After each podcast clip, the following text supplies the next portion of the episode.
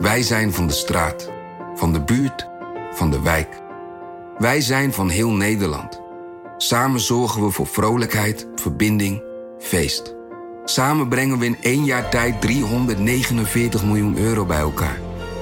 Miljoenen waarmee onze goede doelenpartners de wereld groener, gezonder en rechtvaardiger kunnen maken. Nationale Postcode Loterij. Samen voor een betere wereld. Voor een partij begint een campagne drie maanden voor de verkiezingen. Voor, een, voor de media begint het drie weken voor de verkiezingen. Voor de burger, de kiezer, begint het drie dagen voor de verkiezingen. Dus de, de grote kunst van campagne voeren is campagne voeren zonder dat het op campagne voeren lijkt.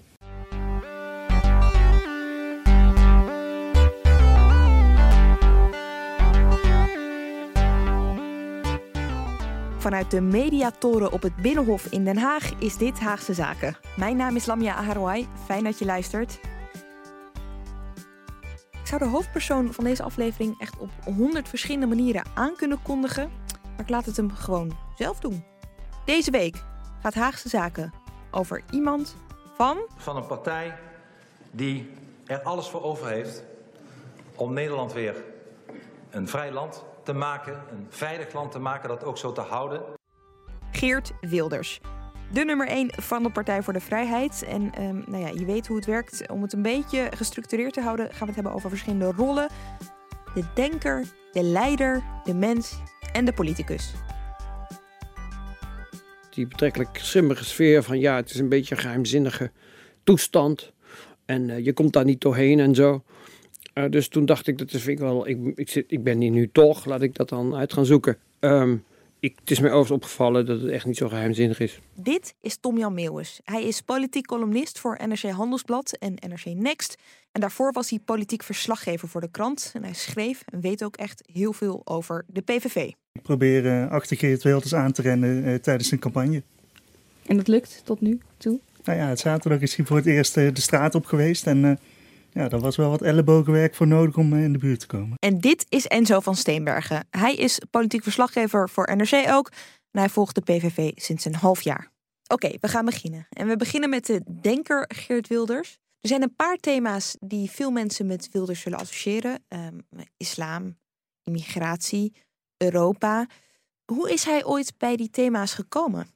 Ja, volgens mij moet je, dan, moet je altijd, als je het over hoe Geert Wilders denkt wil hebben, moet je altijd terug naar het boek dat hij, boekje dat hij schreef um, toen hij de groep Wilders, de voorloper van de PVV, oprichtte.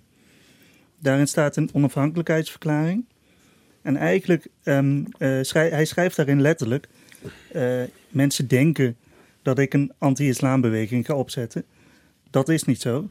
Ik zet een beweging op die zich inzet voor vrijheid. En alles wat, uh, waar hij voor pleit, uh, kan hij op een of andere manier linksom, rechtsom relateren aan um, dit is een ontwikkeling die onze vrijheid, en onze zijn dan Nederlanders, onze vrijheid afneemt. Als er vluchtelingen over de grens komen, neemt de vrijheid voor Nederlanders af. Um, als, de, als er meer uh, moslims in Nederland komen, neemt in zijn ogen vrijheid voor Nederlanders af. Dat is waar hij alles aan refereert. Als de EU meer invloed krijgt, heeft Nederland minder invloed en minder vrijheid. Ja, precies. Het is altijd het afzetten tegen elkaar.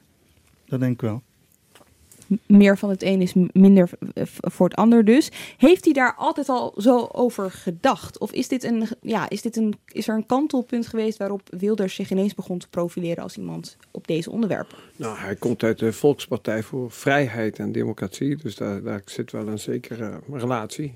Ik denk overigens in aanvulling op Enzo dat ook wel heel belangrijk is dat Wilders op een aantal van die punten die hij in 2005 formuleerde, en die voor een deel de basis was, waren voor zijn vertrek uit de VVD, dat daarvan achteraf is gebleken dat hij daar gelijk in had. Een, een heel belangrijk punt is, hij stapte uit de, uit de VVD, omdat de VVD destijds de mogelijkheid open wilde houden dat Turkije lid van de EU zou worden. Dat was een destijds vrij algemeen gedeeld uh, standpunt.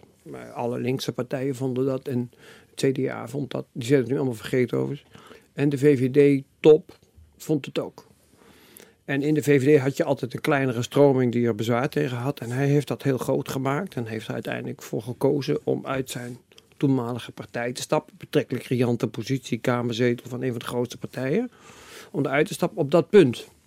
En het is wel goed om vast te stellen, in alle redelijkheid, dat hij op dat punt totaal gelijk heeft gekregen. Dus zijn analyse toen, dat Turkije niet in staat was om het soort ontwikkeling door te maken op basis waarvan het eh, in aanmerking kwam om EU-lid te worden. Ja, die wordt nu door hooggeleerden als Zürcher ook, ook overgenomen. Dus, dus dat, dat is een, uh, een bijzonder aspect aan hem. Hij heeft op een aantal punten heeft hij heel vroeg gekozen. Hij kiest in elk uh, dossier hard en recht door zee. dat maakt hem ook voor politieke partners of potentiële partners onaantrekkelijk. Maar door die harde keuzes kun je ook al vaak zien dat hij het op sommige punten erg goed gezien heeft. En dat is, dit is hier een voorbeeld van. Kun je meer van dat soort voorbeelden geven? Uh, nou, ik denk dat de islamdiscussie als zodanig uh, in Nederland ook uh, in ieder geval de, het politieke aspect daaraan is dat is natuurlijk ook zijn kant op gegaan. Dus wij hadden um, um, na, ook na 11 september nog en na de opkomst van Fortuyn uh, was een groot deel van de Nederlandse maatschappij en de Nederlandse, ik, daar gaat het hier vooral over, het Nederlandse politieke establishment, er, er eigenlijk van overtuigd dat er nauwelijks of geen probleem met de islam was. En ik weet zeker dat als je dat nu zou peilen, één voor één, onder Kamerleden, dat er een ander, andere uitslag uit zou komen. Dus ook hier heeft hij, denk ik, is zijn invloed op het politieke discours, nou even los van de vraag of hij gelijk had, zijn invloed is enorm groot geweest. Je kunt het ook zien, denk ik, aan uh, partijprogramma's van andere partijen. Uh, die nu thema's aankaarten die Wilders al jarenlang uh, aankaart. Als ik zie dat het CDA nu scherpere digitale grenscontroles wil. om te kijken of er niet terroristen ons land binnenkomen. dat zouden ze wellicht zonder de invloed van Wilders niet tot zo'n groot punt hebben gemaakt. Ja. Um, het is misschien een beetje een wat abstracte vraag, maar um, wie, is de wie of wat is de inspiratie geweest voor zijn gedachtegang? Weet je wel? Uh, is dat een persoon geweest? Is dat een eerdere baan geweest? Ah, ik, ik zou het oprecht niet weten. Ik zeg, ik zou, kijk, wat je wel kunt zien, er zijn vroeger speeches, maar ik weet niet wat Enzo, wat Enzo daarvan gezien heeft, maar is dat hij erg veel Churchill citeert. Uh, never give up. Dat is een uh, zeer vaak voorkomend. Maar goed, weet je, de, ik moet je wel zeggen, dat is zo'n inspiratiebron die uh, in alle redelijkheid betrekkelijk obligaat is. Hij is ja. niet de eerste die daarmee komt. Maar ik zou het niet, ik zou het niet concreet weten. Ik, het is, ik, mijn interpretatie ervan is dat hij gewoon vanuit de rechterflank van de VVD bewust is, is, is weggestapt. En dat het gewoon eigenlijk, een heel, eigenlijk altijd een populistische VVD'er is geweest. Ja, wat hij zelf zegt is wel het is eigenlijk maar één iemand die hij zelf noemt, en dat is uh, Bolkestein, uh, de leider van de VVD toen hij daar binnenkwam.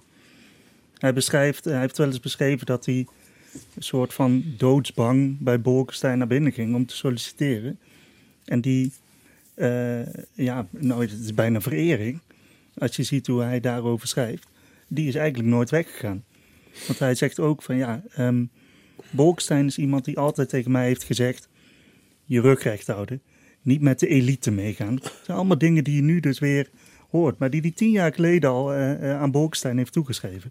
Ja, maar ik moet die toch wel... Dit is ook wel... Maar dit, hier wordt het ingewikkeld. Want uh, Bolkestein is daarentegen niet zo heel enthousiast nu over de... De, nee, dat beseft Wilders De richting wel. die Wilders heeft gekozen. Dus ja, hier, kijk, dit, dus dat voorbeeld, dat kan hij hebben. Ik hoor hem er nooit meer over. Maar het voorbeeld kan hij hebben, maar ja dat heeft toch zijn waarde verloren in alle redelijkheid. Als degene die jij volgt zegt, joh, je bent de verkeerde kant op gegaan. Toch? Ja, maar je mag fan van iemand zijn, ook al is diegene niet meer fan waar, van jou. Ja, absoluut, ja, absoluut, even, even een zijstapje, want hij zat dus aan de rechterflank uh, uh, in de VVD. Um, waarom heeft hij niemand meegenomen? Nou, er is destijds had hij een, uh, een, een ja, dat is eigenlijk een hele goede vraag. Hij had destijds een partner die onder, en dat was een, een, een, ook een rechtse VVD. Die man heette Gerrit-Jan Oplaat. Was ook Kamerlid. Was, kwam, uit de landbouw. En is typisch zo'n, uh, representeerde typisch zo'n groep die nu nog steeds zich heel erg aangesproken voelt door Wilders, boeren. En die heeft op het laatste moment gekozen eh, tegen Wilders en, en, voor de VVD. En dat, dat legt, denk ik, in zekere zin een van zijn grootste zwaktes bloot. En dat is zijn uh, gebrekkige vermogen, ik druk het nu vriendelijk uit, om met anderen samen te werken. Dat is bij hem nooit hoog ontwikkeld geweest. Deze oplaad heeft hij ook meteen daarna weer afgeserveerd. En uh, hij, noemt, uh, hij, noemde die oplaad daarna altijd een, een, niet zo'n dappere man. Die nou. wel weliswaar goed idee had, maar toch niet zo goed als hij zelf. Waar is oplaad terechtgekomen? Volgens mij is hij nog steeds in de VVD. En ik dacht dat hij nog steeds een soort, maar dit zeg ik onder voorbehoud, een soort uh, uh, uh, vertegenwoordiger van de landbouw, van een van de landbouwsectoren is. Iets in de veeteelt. Maar hij is in de VVD gebleven. Maar je zou dus kunnen zeggen, even samenvattend, de gedachtegang is er bij Geert Wilders altijd al wel geweest. Er is niet ineens een, een kantelpunt geweest dat hij ineens heel anders over bepaalde zaken is gaan denken. Nou, weet je, kijk, het, het, bij alle politici, dit geldt niet alleen voor Geert Wilders. Kijk, hun opvattingen en hun posities worden natuurlijk toch heel vaak bepaald uh, door externe omstandigheden en, door, en omdat ze daarvoor eerder keuzes hebben gemaakt. Kijk, als jij naar bijvoorbeeld het islamstandpunt van Wilders kijkt, hij heeft nog na 9-11, en dat is heel bekend, daar zijn fragmenten van in Barend en Van Dorp, zitten uh, met volle overtuiging zitten uitleggen dat uh, wat hem betreft er een gematigde islam is. En dat opmerkingen die Fortuyn maakte, die een generiek uh, van aard waren, dat hij, daar, dat hij zich daar, dat hij die uh, te demagogisch vond, ik zeg nu mijn eigen woorden, maar dat hij daar, zich daar niet in kon vinden. Het interessante is zelfs dat, ik heb in de VS gezeten en sommige van de mensen die hem financieel hebben gesteund, in de VS zijn, op zichzelf bekende mensen, de critici van de islam. Die, hebben, die, die nemen ook de positie in dat je een gematigde islam hebt. En dat je de islam zeker niet moet zien als een politieke ideologie. Maar hij heeft op enig moment in de periode na de moord op Theo van Gogh. Uh, gekozen voor het standpunt: het is, de islam is geen religie, maar een politieke ideologie. En het is zeer karakteristiek voor hem, maar ook voor mensen die in dit soort posities terechtkomen, dat je dan gewoon dat je vasthoudt aan dat punt. Nou ja, dat heeft hij gedaan. En dat, uh, dat is op de inhoud betwistbaar, maar dat is een politiek natuurlijk, dat is politiek zeer profijtelijk voor. Om vast te houden aan dat punt. Om vast te houden aan dat punt en om dat, om dat uh, te blijven noemen. Omdat dat, ja, en steeds sterker zou je, ja. dat kun je toch wel zeggen. Zeker. Zo'n fragment als Baant en Verdorp, inderdaad heel beroemd. Mm -hmm. Dat ga je nu niet meer van hem zien. Nee, dat, maar hij dat, komt zelden terug op uitspraken die hij uh, heeft gedaan. Um, oplaat is dus uh, is het niet geworden samen met uh, Wilders. Um, hij heeft natuurlijk op een gegeven moment hè, is hij doorgegaan met groep Wilders. Daarna kwam de Kamer in met de Partij voor de Vrijheid. Uh, Martin Bosma werd altijd genoemd als een van zijn getrouwen, als, als de, de denker ook een beetje binnen de partij toen kwamen er, ik, ik, heb het even over mezelf als krantenlezer. Toen kwamen er de uh, uh, berichten over dat uh, Bosma, dat, dat er fikse ruzie was geweest. Nadat Bosma een boek uit, had uitgebracht. Zonder dat Wilders daar toestemming voor had gegeven of iets in die trant.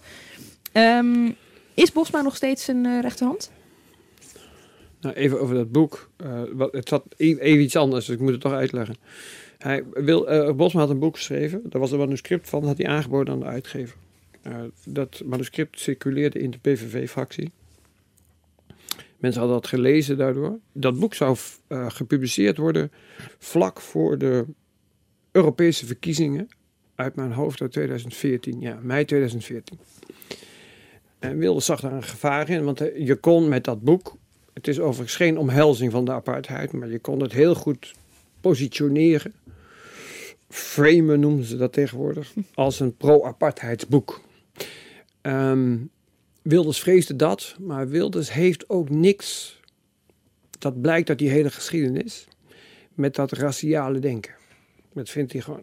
Alles wat daar in de buurt komt, wil hij van afblijven. Wat er feitelijk is gebeurd. Ik heb dat allemaal zelf in de krant gezet op basis van interne correspondentie. Uh, Wilders is PVV-Kamerleden gaan vragen: kan je niet belemmeren dat Bosma dat boek uitgeeft? Um, vervolgens is een van die Kamerleden in gesprek daarover gegaan met Bosma. En toen heeft Bosma die Kamerlid, dat Kamerlid gezegd: um, um, De uitgever weigert het uit te geven. Uh, als in reactie daarop heeft dat Kamerlid dat even doorgemaild aan Wilders. En Wilders noemde dat quote-unquote geweldig nieuws. Dat waren de feiten die, daar, die zich daar in 2013, 14, ik weet niet meer precies, afspeelden. Ehm, en dit laat je denk ik zien dat eh, Martin Bosma niet de ideoloog is waarvoor hij vaak wordt versleten. Die twee mensen werken met elkaar omdat ze elkaar nodig hebben. Ehm, maar Wilders heeft gewoon voor, voor bijna niemand met wie hij werkt enorm hoge waardering. Hij werkt gewoon met ze. En het laat je zien eh, dat eh, in de PVV er eigenlijk geen hiërarchie is. Het gaat om Wilders.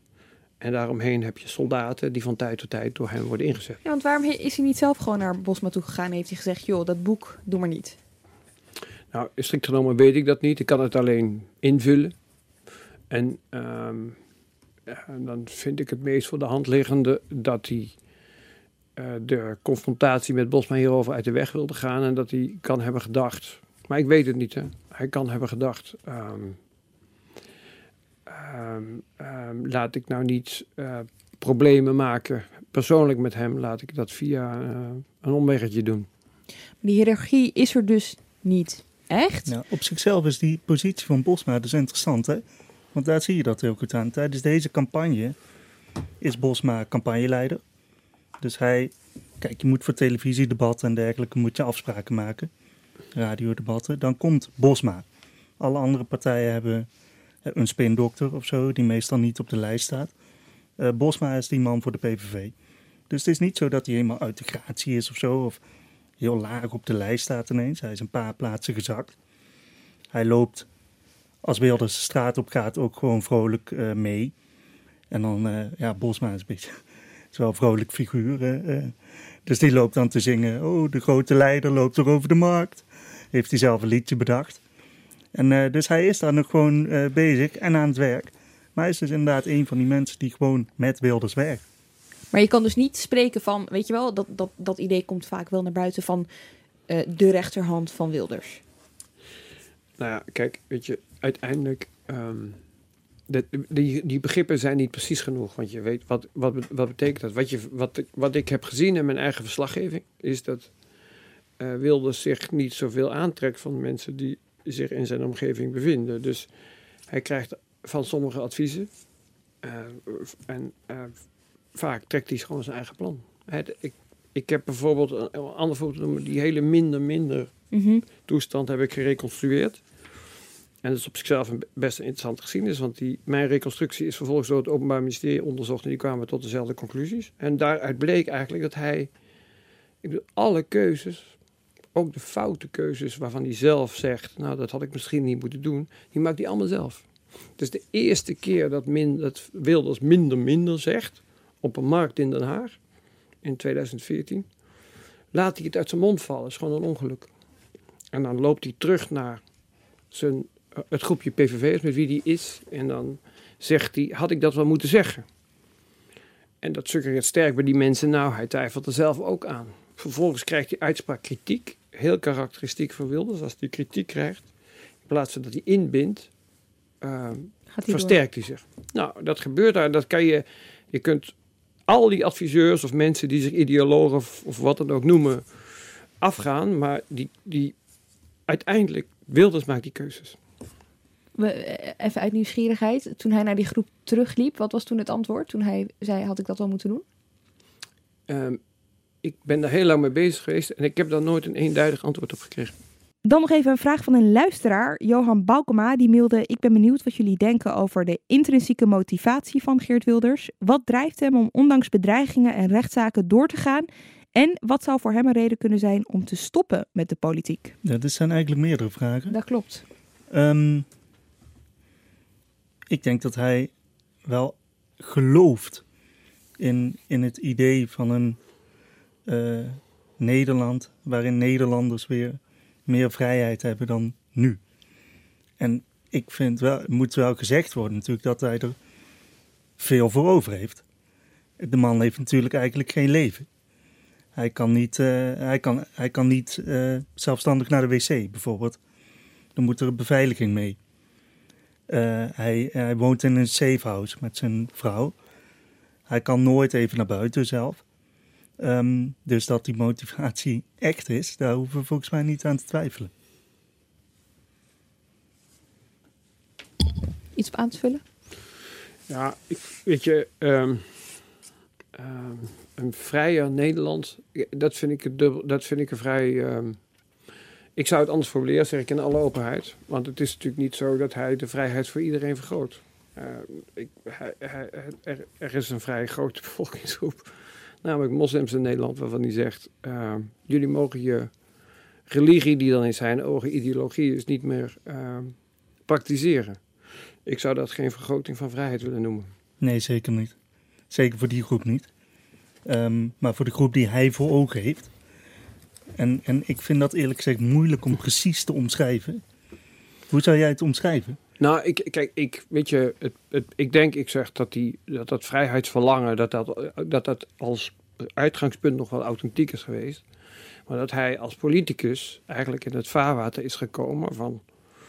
En dat is een ontwikkeling die hij heeft doorgemaakt, waarbij hij eigenlijk uh, steeds vaker uh, vrijheid bepleit voor een bepaalde groep die ten koste van anderen gaat. Ja, dat is dus, paradoxaal natuurlijk.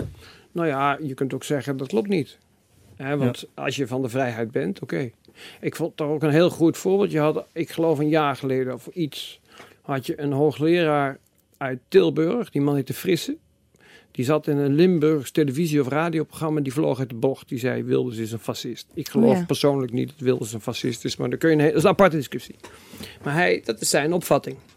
En dan volgt, vo, dan volgt dat de PVV Tweede Kamerfractie Kamervragen gaat stellen. Ertoe strekkende of de minister van ik weet niet meer welke minister, maar van onderwijs geloof ik. Of die ervoor kan zorgen dat die man zijn functie zou verliezen. Ik zou dat geen, ik zou dat geen uh, vrijheidsverlangen willen noemen. Dat is, uh, dat is de vrijheid van meningsuiting, behalve als het niet uitkomt. En ik geloof, ja, dus dat soort inconsistenties zijn er wel heel veel gekomen, vind ik persoonlijk. Ja, dat komt eigenlijk wel steeds terug, hè? Ja. En toch is, blijft hij het wel op deze manier benoemen. We moeten onze vrijheid vergroten. Alleen het gaat dan om dat onze. Ja, of, ja, of het gaat om de vrijheid. En dan zegt hij iets waarvan die, wat hij zelf niet waarmaakt. Dat punt kan je toch wel maken in alle redelijkheid, geloof ik. Waarom Zeker. maakt hij dat zelf eigenlijk niet duidelijk? Want goed, hieruit blijkt wel dat het niet heel concreet is wat hij bedoelt. Nou ja, de vrijheid van meningsuiting is natuurlijk ook een prachtig voorbeeld. Want uh, om te beginnen, kijk, hij is vervolgd en uiteindelijk veroordeeld vanwege het feit dat, hij, dat de rechtbank vond dat hij aanzette tot discriminatie. Hij heeft zich verdedigd in die hele procesgang op basis van de vrijheid van meningsuiting. De vrijheid van meningsuiting is op basis van de huidige wetgeving beperkt. Toen deze kabinetsperiode begon, lag er een initiatiefwetsvoorstel van de PVV ertoe strekkende de vrijheid van meningsuiting te verruimen. Als de PVV daaraan had gewerkt in een beetje tempo, was het zover had het zover kunnen zijn dat, die, dat, dat, wet, dat dat initiatiefwetsvoorstel wet was, kracht van wet had. Op het moment dat hij die uh, bestreden uitspraken over uh, minder Marokkanen deed. Nu zitten we hier toch in een verschrikkelijk dilemma. Want wat, hoe moeten we dit begrijpen? Kijk, hij is voor vrijheid. Hij is voor totale, nou in ieder geval uitgebreidere vrijheid van meningsuiting.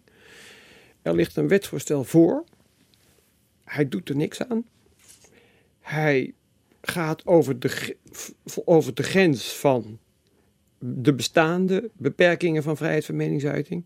En beroept zich vervolgens op de vrijheid van meningsuiting. Allemaal vrijheid, maar probeer er consistentie van te maken en je raakt totaal in de war.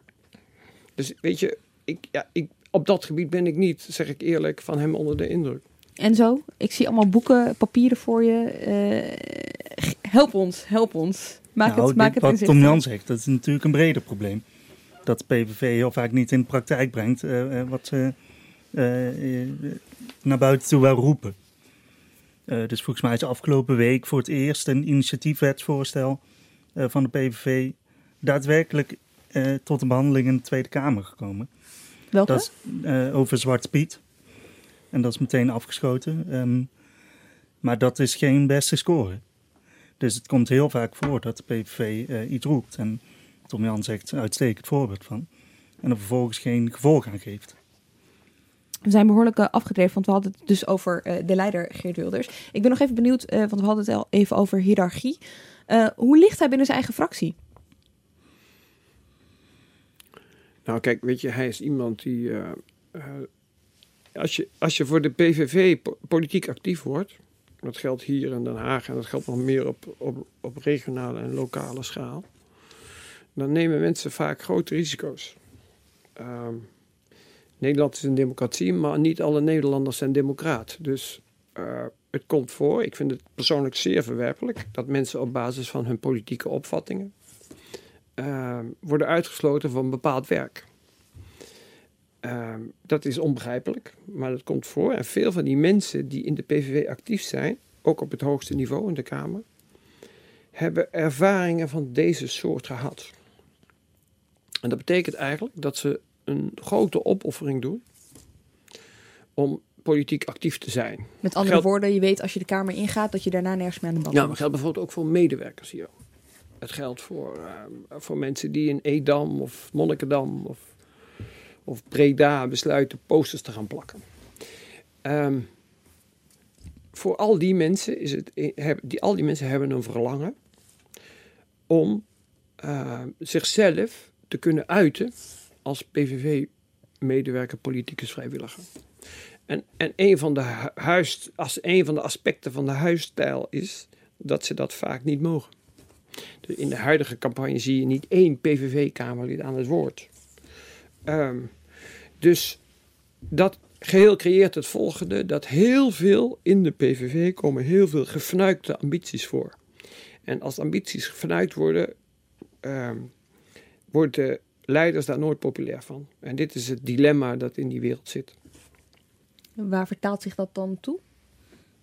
Uh, woede en teleurstelling en uh, uh, ruzies onderling. Maar dat is eigenlijk logisch natuurlijk. Als je niet, niet met je ambitie te koop mag gaan lopen.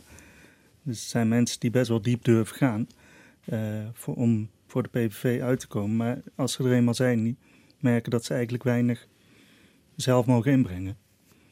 En dat, dat levert wel botsing op. En hoe komt dat dan vervolgens bij jullie terecht? Ik bedoel, zijn dat mensen die dan zelf bij jullie langskomen van joh... Um... Ja, dit is natuurlijk een van de moeilijke...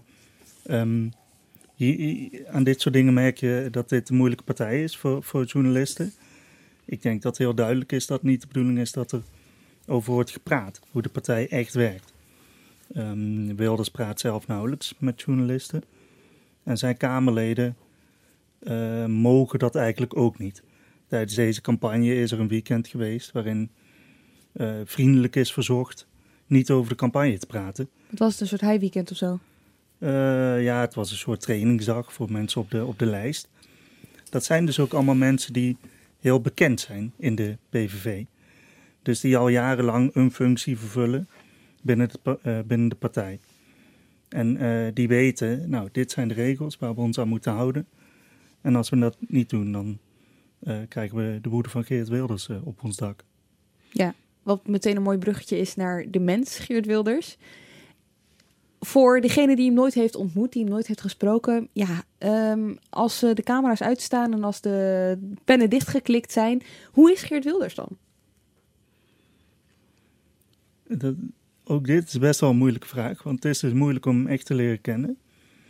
Uh, er zijn wel mensen die hier in de Kamer rondlopen die hem nog kennen uit zijn VVD-tijd. En zeggen, nou, uh, aardige man, kon goed met hem samenwerken toen hij nog bij de VVD um, werkte. hij is grappig en hij, hij, kan prettig in de omgang zijn. Maar er zijn eigenlijk veel meer andere verhalen over... Vertel eens. Ja, over, over een man die, uh, uh, die zijn, zijn zin wil doordrijven. En die uh, extreem boos kan worden als, dat, als het niet gebeurt wat hij graag wil.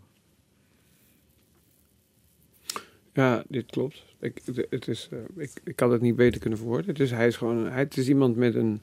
Kijk, zijn partij is ook geen interne democratie. Die fractie opereert overigens wel als democratie in die zin dat ze hebben open fractievergaderingen. Mensen kunnen zeggen wat ze willen en ze stemmen over moties en al die dingen. Maar ja, het is natuurlijk, omdat het geen democratie is, is het natuurlijk ook altijd, uh, dat staat overal op de muren daar. Uh, hij is de baas en heeft het laatste woord. Ja, ja klein voor, niet klein... op de muren. Nee, maar wel, nee, nee. wel campagneposters ja. van hem. Maar dit is bij andere partijen ook hoor, daar hangen ook Ja, natuurlijk. Uh, een klein voorbeeld is, Ehm, er is eh, eh, een senator, eh, Ronald Seurensen. Hij is nu eh, met pensioen. Eh, die had eh, plannen, zoals meer PVV, PVV'ers in het verleden, om de partij te democratiseren. Nou, hij heeft een plan geschreven, naar Geert Wilders gestuurd. Eh, maar mocht vervolgens niet op de fractievergadering komen waar zijn plannen werden besproken. Hoorde vervolgens, komt niks van in. En, eh, ja, en toen, eh, daarna was de sfeer wat stekelig met, met Wilders. En zo kunnen plannen dus afgeserveerd worden. Terwijl iemand daar veel moeite en tijd in heeft gestoken. Met ook nog eens het idee, ik help de partij vooruit. Dat sluit een beetje aan op die gefnuikte ambities. Dat is onderling. En hoe is bij je... Goed, eh, het verhaal is bekend. Eh, Wilders en journalisten gaat niet heel lekker samen. De afgelopen tijd heeft hij dat zelf ook nog wel eens eh, benadrukt. Ehm, maar toch, je wil hem natuurlijk als journalist wel spreken. Ik bedoel, neem ons eens mee naar, naar het begin. Weet je wel, er, kon het aan het begin wel gewoon? Kon je hem gewoon vragen stellen? Was hij benaderbaar? Ik heb hem, ik was voordat ik, ik heb het, toen hij nog, ehm, ik weet eigenlijk niet eens of hij toen fractiemedewerker of Kamerlid was, maar in de jaren negentig was ik onderzoeksjournalist voor de NRC. En dan doe je veel langlopende projecten en dan kom je soms bij Kamerlid terecht voor het een of het ander. En toen heb ik een paar keer contact met hem gehad. Ik had uitstekende contacten. Ehm, dus ik weet eh, dat het eh, totaal normaal kan zijn. Ik denk eerlijk gezegd dat gewoon nu is onderdeel van zijn politieke merk geworden om eh, journalisten te bekritiseren, omdat het gewoon een effectieve manier is om mensen die wantrouwend zijn ten- tegenover Den Haag, om die aan jou te binden. Want als je de journalisten bekritiseert, dan bekritiseer je eigenlijk ook de, tussen aanhalingstekens, Haagse kliek. En dat is voor hem gewoon, dat, weet je, dat is, zijn, dat is, dat is de, de kern van zijn electoraat. Dus voor hem is er alleen maar voordeel. Ja, de verhalen die ze over je maken zijn dan natuurlijk ook al per definitie partijdig. Nou ja, dat, al die dingen komen daarbij. Het is een heel bekend eh, formatje. Het, bestaat al de- decennia lang. En hij heeft ook zulke eh, trucs natuurlijk nodig, omdat hij in feite helemaal geen outs- out- outsider is. Eh, Wilders is het op één na langzittende Kamerlid. Eh, hij, werkt al, hij werkt al tientallen jaren in de, in, in de Kamer. Dus hij heeft wel hij heeft, eh, handvaten nodig waarmee hij kan zeggen: Ik sta er buiten. Dit is één van die dingen. Ja, het is meteen een bruggetje naar de politicus Geert Wilders. Ik eh, heb het gisteren even opgezocht. Zit al sinds 1990 eh, werkt hij in dit gebouw, een Tweede Kamergebouw. Eigenlijk mijn geboortejaar, 26 jaar later, zit hij er nog steeds, maar dan als fractievoorzitter van de PVV. Ja, inderdaad, als je het hebt over establishment, dan is dit natuurlijk het perfecte voorbeeld ervan. Nee, het, het, geen twijfel. Hij is gewoon. eh, hij wordt vaak met Trump vergeleken. En dat op zich klopt die vergelijking helemaal niet. Omdat. ehm, kijk, Trump is, was die had totaal geen enkele ervaring in politiek. En deze man die eet al eh, zijn hele leven politiek. Hij is ook altijd, eigenlijk altijd heel erg. Want voordat hij in de Kamer kwam, zat hij, was hij al in de gemeenteraad van Utrecht. Dus hij is gewoon iemand die, eh, die, die een politiek verslaafde is. En dan ook nog een workaholic overigens. Dat is een- overigens een heel belangrijk aspect aan hem. In heel veel debatten die ik heb gezien, is hij gewoon verreweg het best voorbereid. Dus het is iemand die dossiers leest en die one-liners voorbereidt. Die snapt, bijna altijd snapt, waar de zwakste punten van zijn tegenstanders zitten. En hij staat heel vaak, valt mij op, tegenover Kamerleden en soms bewindslieden die de zaken gewoon minder goed voor elkaar hebben. Dus het is, die, het is een workaholic, maar dat, daar heeft hij ook profijt van. Ja, als politicus is hij natuurlijk ehm, in die zin buitengewoon geslaagd. Hij is vaak inderdaad heel goed in debatten. Heel scherp. Hij weet zijn standpunten goed voor het voetlicht te brengen. En dat zijn allemaal eigenlijk hele klassieke ehm, kwaliteiten die een politicus moet hebben. Die Geert Wilders zeker heeft. Ja, hij is vaak ook best wel grappig om eerlijk te zijn. Dus los van de inhoud. Hij weet vaak van die one-liners de wereld in te slingeren die nog wel eventjes blijven hangen. He- heel even terug, want dit is even een hersenkronkel. Maar we hadden het net over Martin Bosma. Dat is dus ook niet degene die dan die teksten schrijft. Ja, hij heeft twee. Kijk, eh, Bosma schrijft, die, die, die staat onbekend dat hij heel goed in one-liners is. Maar zijn voornaamste tekstschrijver, heb ik altijd begrepen, is een Belg, een Vlaming. Die heet Paul Belien, die werkt hier in de Kamer. Komt nooit in beeld. Maar is iemand, na- naar het schijnt, ik heb het nooit zelf met eigen ogen kunnen waarnemen, ehm, die zeer goed in het, in het aanleveren van gevatte teksten is. Ja. Hij is er zelf ook, ook goed in hoor. Ja, precies. En hij heeft dat, dat politieke spel heeft hij dus echt in handen. Best goede debater. Ja, goed. Los van wat je er inhoudelijk van Ja. vindt of niet. Hij weet de ander uit te dagen. Hij weet zijn punt te maken. Hij weet de lachers vaak nog wel op zijn hand te Ja, krijgen. hij heeft ook een bepaalde stijl van debaten overzet. Dat is ook wel heel belangrijk bij hem. Hij, hij debatteert door niet te debatteren. Want eh, een van de fouten die Kamerleden bij hem blijven maken is hem vragen stellen. Alle, iedereen die met een beetje routine in debatteren met Wilders weet, stel hem nooit een vraag. Want als je hem een vraag stelt, dan beantwoordt hij niet, want dan zet hij je voor. De- dan valt hij je zo hard aan dat je nooit meer een vraag durft te stellen. Dus wat je met Wilders eigenlijk altijd moet doen, is niet zozeer hem iets vragen, maar hem eh, een iets poneren. Respectievelijk hem verleiden om feitelijk te worden. Wat voor hem eigenlijk het gevaarlijkste is. Want natuurlijk een ander aspect, heel elementair voor zijn politieke merk, is dat hij dingen groot maakt in de belofte en nooit concreet. Dus grenzen dicht, de-islamiseren en dat soort dingen. Wat het dan precies is, dat, dan moet iedereen aan raden. Dan zegt hij, dat is toch al duidelijk. Nou, dat is dus niet duidelijk. Maar als je hem ehm, daarover gaat vragen, dan zet hij in de hoek. En als je, er zijn sommige mensen, met name Buma van het CDA, is een paar keer heel effectief in geweest. Ja, dat is bekend voorbeeld, hè, vorig jaar. Ja. Dat, die, eh, eh, dat Buma, dus inderdaad precies wat jij zegt, gaat poneren. Die zegt, eh, nou, u wil Korans uit Nederland. Hoe dan? Gaan we de politie langs de huizen sturen? Eh, gaan we ze verbranden? Zo, dus heel duidelijk vragen naar feiten, maar zelf het gesprek op gang houden. En, en ehm, ja, wat, de- hoe, hoe ging maar dan Wilders stelt hij wel daar de toen op in? vraag. Maar dan, st- maar dan Nou, stelt hij wel de eh, vraag. eh, kijk, eh, wa- wat daar gebeurde was dat Wils eigenlijk moest toegeven eh, dat er mogelijkheid bestond, althans niet weer sprak, dat er mogelijkheid bestond dat eh, moskeeën gesloten wo- moesten worden en dat met behulp van de politie Korans uit huis moest worden gehaald. Hij is, dat, hij is daar overigens later op teruggekomen, viel mee op en toen heeft hij gezegd, nee, nee, nee, dat deed hij laatst bij. Dan zei hij, nee, Daar dat is toch niet de bedoeling. het interview. Dus toen kwam je eigenlijk op, eh, op het gedogen van Korans. Nou ja, fijn, ik weet je, dit is een ander heel goed voorbeeld, vond ik zelf. Het Algemeen Dagblad, journalisten van het Algemeen Dagblad, zijn hem ooit gaan vragen: grenzen dicht, maar hoe doe je dat dan? Hoe moet dat? En dan kwam hij met een uitleg die er in feite op neerkwam dat hij zelf moest toegeven dat die grenzen helemaal niet dicht kunnen. En dit zijn voor hem onprofijtelijke eh, posities. Daar wil hij, en hij weet het meestal zo te manoeuvreren dat hij er niet in terecht komt. En daarom is hij ook, dat is ook een van zijn talenten natuurlijk. Maar het laat ook zijn kwetsbaarheid zien. Is dat ook de reden waarom hij eh, liever geen journalisten spreekt? Nou, weet je, kijk, interviews eh, die zijn vanuit zijn perspectief gewoon niet zo aantrekkelijk. Ik vind overigens, eh, dat, maar hier, hier, hier, hier neem ik een minderheidsstandpunt in, ook op mijn eigen redactie. En ik heb makkelijk praten, want ik ben columnist. Maar ik vind interviews met, met politici sowieso niet zo heel... Ik, ik heb ze veel gedaan in het verleden. En heel vaak in, ben ik in de positie geweest, niet alleen dat, eh, dat je vragen zat, of antwoorden zat op te schrijven waarvan je al lang, waarvan je, omdat je zo iemand al langer kende, wist dat, dat meent hij helemaal niet. Dus ik ben er niet, ik vind dat format vind ik moeizaam, maar ik sta hier alleen. En zo? Is dat waar? Staat hij hier alleen? Zou jij eigenlijk het liefst morgen nog Wilders willen interviewen? Dit zijn heel veel Nou, vragen, ik- maar ik wil ja, overal ja. antwoord op. Ja, ik ben verslaggever, ik ben geen columnist. En eh, als verslaggever heb je natuurlijk altijd eh, de gedachte dat je iemand wil vragen naar, eh, eh, naar zijn motivatie of naar een uitleg van zijn partijprogramma, van in dit geval één A4'tje. Eh, je wil natuurlijk wel iemand ter verantwoording kunnen roepen.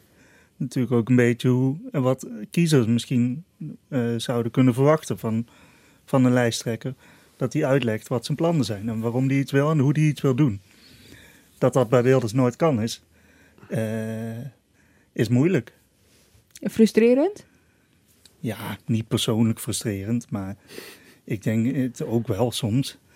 Eh, maar dat komt vooral omdat, omdat je dus tijd probeert en je maakt afspraken en er worden weer afspraken afgezegd. Dus het is eigenlijk geen manier van werken. Eh, dat is wel eens frustrerend, maar ik vind eigenlijk dat je als lijsttrekker uitleg moet geven over je programma. Waarom zit jij te grinnikend om dan? Nou, ik moest, ik toen ik net eh, eh, en zo hoorde, ik heb, ik, toen ik hier begon, eh, zoals ik eerder zei in 2012, en, de PVV ging doen, toen had ik een voorganger. die het had gedaan, was een collega, Barbara Rijlaarsdam, en die vertelde mij, toen Enzo zei hoe moeilijk het is, die vertelde mij, haar ervaring was als volgt. Dan ging zij naar een verkiezingsavond van de PVV. En dan had de uh, fractie het zo besloten dat zij was in Scheveningen als enige van alle journalisten niet naar binnen mocht. Dus die moest dan de verkiezingsavond van de PVV verslaan door buiten uh, te blijven staan. Uh, ja, weet je, dat is het soort ervaringen dat verslaggevers met die club hebben. Is dat dan specifiek een aantal media die dat soort uh, zaken voor hun kiezen krijgen? Als ik het wel heb, ging dit specifiek om de NRC. Had dan weer niks te maken met haar verslaggeving. Ingewikkeld. Oh. Okay. Ik, eh, me, sommige politici hebben vijanden nodig en dan kunnen media best eens uitkomen. Um, ik heb eigenlijk nog. Kun je het klokje nog één keer op vijf minuten zetten? Of kan dat niet tussendoor? Gewoon knikken of uh, niet? Ja, kan dat? Fijn, dankjewel. Um, nog twee dingen. We hebben het net even gehad over partijstructuur. Uh, hè, daar is ooit een poging uh, toe gedaan. Dat, is, uh, nou ja, dat heeft de fractievergadering nog maar net gehaald. Maar daarna is het steeds doodgestorven. Is het zijn doel om er ooit een gevestigde partij van te maken? Nou, er is één aanwijzing die daarop duidt. En dat is dat hij in 2018 mee wil doen in meer gemeenteraden dan nu. Je zou dan kunnen zeggen, hij wil de partij uitbreiden. Hij wil zorgen dat er meer talent zich kan ontwikkelen. En hij wil de dat de PVV een normale partij wordt in het politieke landschap. Voor de rest heb ik eerlijk gezegd nog nooit een aanwijzing kunnen ontdekken dat hij uh, de partij wil organiseren op een manier dat hij niet meer de enige is die iets te zeggen heeft.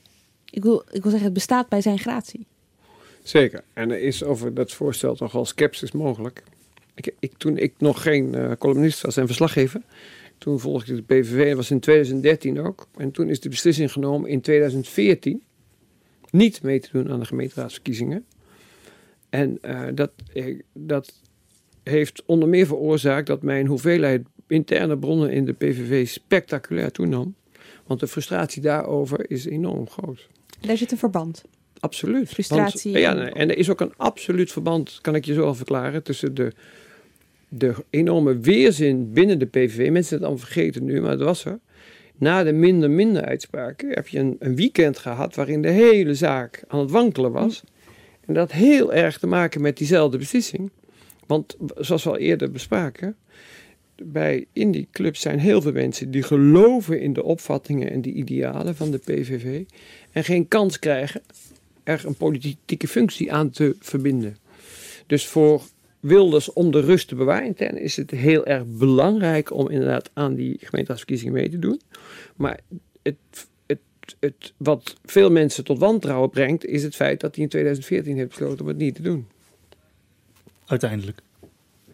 Uiteindelijk, nou ja, inderdaad. Nou, hij is nu dus spreekt. Hij heeft, hij heeft uh, de opdracht gegeven aan de leiders van de provinciale statenfracties om na te gaan in welke gemeente de PVV eventueel zou kunnen meedoen.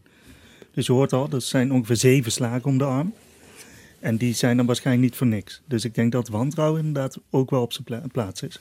We kunnen niet in zijn hoofd kijken, maar want, ik wil het iets duidelijker. De, de, de, denken jullie dat hij wil dat de PVV ook na Wilders door kan of niet? Nou, hij heeft in de praktijk tot nu toe heel weinig, weinig uh, gedrag vertoont dat uh, doet vermoeden dat dat het geval is. Ja, ik vrees dat dit een van de geheimen zijn van de PVV, die op dit moment nog uh, uh, voor ons moeilijk te. ja, moeilijk na te gaan is wat hij precies wil met de partij. Wil hij, wil, goed, laten we, het, laten we het op de korte termijn houden. 15 maart komt er aan de verkiezingen. Wil hij echt premier worden?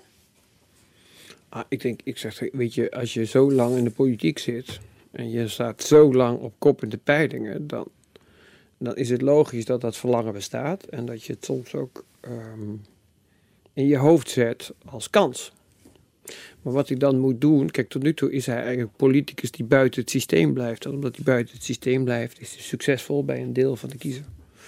En om premier te worden, moet hij in het systeem stappen.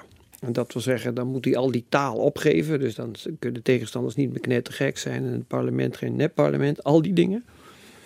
En dan moet hij uh, de bereidheid tonen, ook in het openbaar, om te zeggen: luister eens, ik heb standpunten, maar andere standpunten zijn ook belangrijk.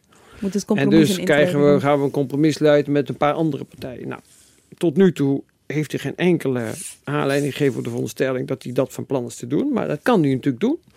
En als hij dat zou doen, dan zou hij een goede kans maken. Dat denk ik zeker. Maar, maar pas op, hè, want hij heeft heel veel standpunten die een soort van met elkaar in tegenspraak zijn. Of eh, heel links zijn of heel rechts. Dus hij zal moeten inleveren als hij premier wil worden. Eh, hij gaat een grote groep van zijn kiezers teleurstellen. Ehm, dus het, zou, het, kan, het is ook een risico om, eh, voor hem om te regeren. En je kan je ook voorstellen dat hij dat risico uit de weg wil gaan. Nou ja, weet je, we hebben natuurlijk de geschiedenis van Rutte 1 gehad. Ja. En eh, anderhalf jaar. Dus het, en, eh, het is heel bekend, coalities hebben een bepaald soort dynamiek in Nederland. In de eerste één à twee jaar neem je alle moeilijke beslissingen. En daarna, als je geluk hebt, eh, doet dat, brengt dat eh, succes of in ieder geval effect teweeg. En dat kun je dan aan de kiezer laten zien. Zeggen, kijk eens, we hebben iets gepresteerd. Dus als je een coalitie binnen twee jaar opbreekt, eh, dan laat je eigenlijk zien dat je niet geen deel van het systeem wil worden. En dat was ook het geval toen. Hè. Vergeet, vergeet niet, hij zat, hij gedoogde het kabinet, maar hij had het Polenmeldpunt. Hm. En de fameuze eh, dialoog, nou ja, dialoog is vriendelijk uitgedrukt, doe normaal man, doe zelf normaal man, was in die periode. dus hij heeft ook toen eigenlijk nooit kunnen kiezen voor deel te worden van het systeem. En nogmaals, als je dat niet kunt, kun je heel groot en effectief zijn als oppositiepoliticus. Maar dan is het erg moeilijk in Nederland, een land van minderheden, om premier te worden. Hij heeft toen wel, hè, in, in, eh, in 2010 heeft hij zijn partijprogramma, had hij toen nog 59 pagina's, heeft hij gepresenteerd. En tijdens die presentatie zei hij al, ja, we willen ook wel een keer eh, echt kunnen gaan besturen. Ehm, maar we willen niet ehm, onderdeel worden van, van de macht. Dus gedogen is misschien een optie. Naar het dacht Deense model, dat hij toen zei. Op die perspresentatie. Nou, dit soort voorzetten die zijn deze campagne absoluut niet aan de orde. Hij wil, echt, eh, hij wil het echt gaan doen. Oké, nu komt echt de laatste vraag. En dit is de vraag die ook het meest gehaat wordt. Dus ik ga hem gewoon heel snel, eh, heel snel eh, stellen. Wordt hij de grootste? Ik verwacht het wel, ja. Ik denk het ook. Maar de vraag is, hoeveel groter wordt hij dan de... eh, hoeveel meer zetels krijgt hij dan de 24 zetels die hij ooit had? Ja, ik, ik weet je, ik, ik, eh, eh, voorspellingen doen, dat moet je allemaal niet doen. Dus dat gaan we niet. Maar kijk, als je gewoon op de, op de dynamiek in de maatschappij en op de dynamiek in de peilingen, dat zijn de twee indicatoren die we hebben. Dan staat hier vandaag, het is 22 februari geloof ik. Hè? Laten we even de datum erbij zetten. Je kan in zo'n campagne nog heel veel gebeuren. Dus het is niet te voorspellen. Maar als het vandaag verkiezingen zouden zijn, zou hij een goede kans maken de grootste te worden. En meer kan je er niet van zeggen. Eh, morgen vind ik misschien iets anders. Oké, dank jullie wel. En daarmee komen we alweer aan het einde van deze Haagse Zaken. De tijd vliegt echt voorbij. Zaterdag een nieuwe Haagse Zaken. En dan hebben we het over de grootste, allergrootste vriend van Wilders. Jesse Klaver, lijsttrekker voor GroenLinks. Ja, ik zou zeggen, hou eens op met die gekkigheid. Ach, kom. Dat was gewoon een grapje. Ja, doe eens normaal, man. Wat ach. Ik denk niet dat we hieruit gaan komen. Heb je vragen over Klaver en zijn GroenLinks? Laat het weten. Je kan mailen naar podcast.nrc.nl. En ook echt belangrijk, dit is natuurlijk pas aflevering 2. En we willen heel graag van je weten wat je van deze podcast vindt. En of er iets anders of beter kan. Mailen dus podcast.nrc.nl. Speciale dank aan Pim van den Dol en Tim de Gier. Ik zeg tot zaterdag.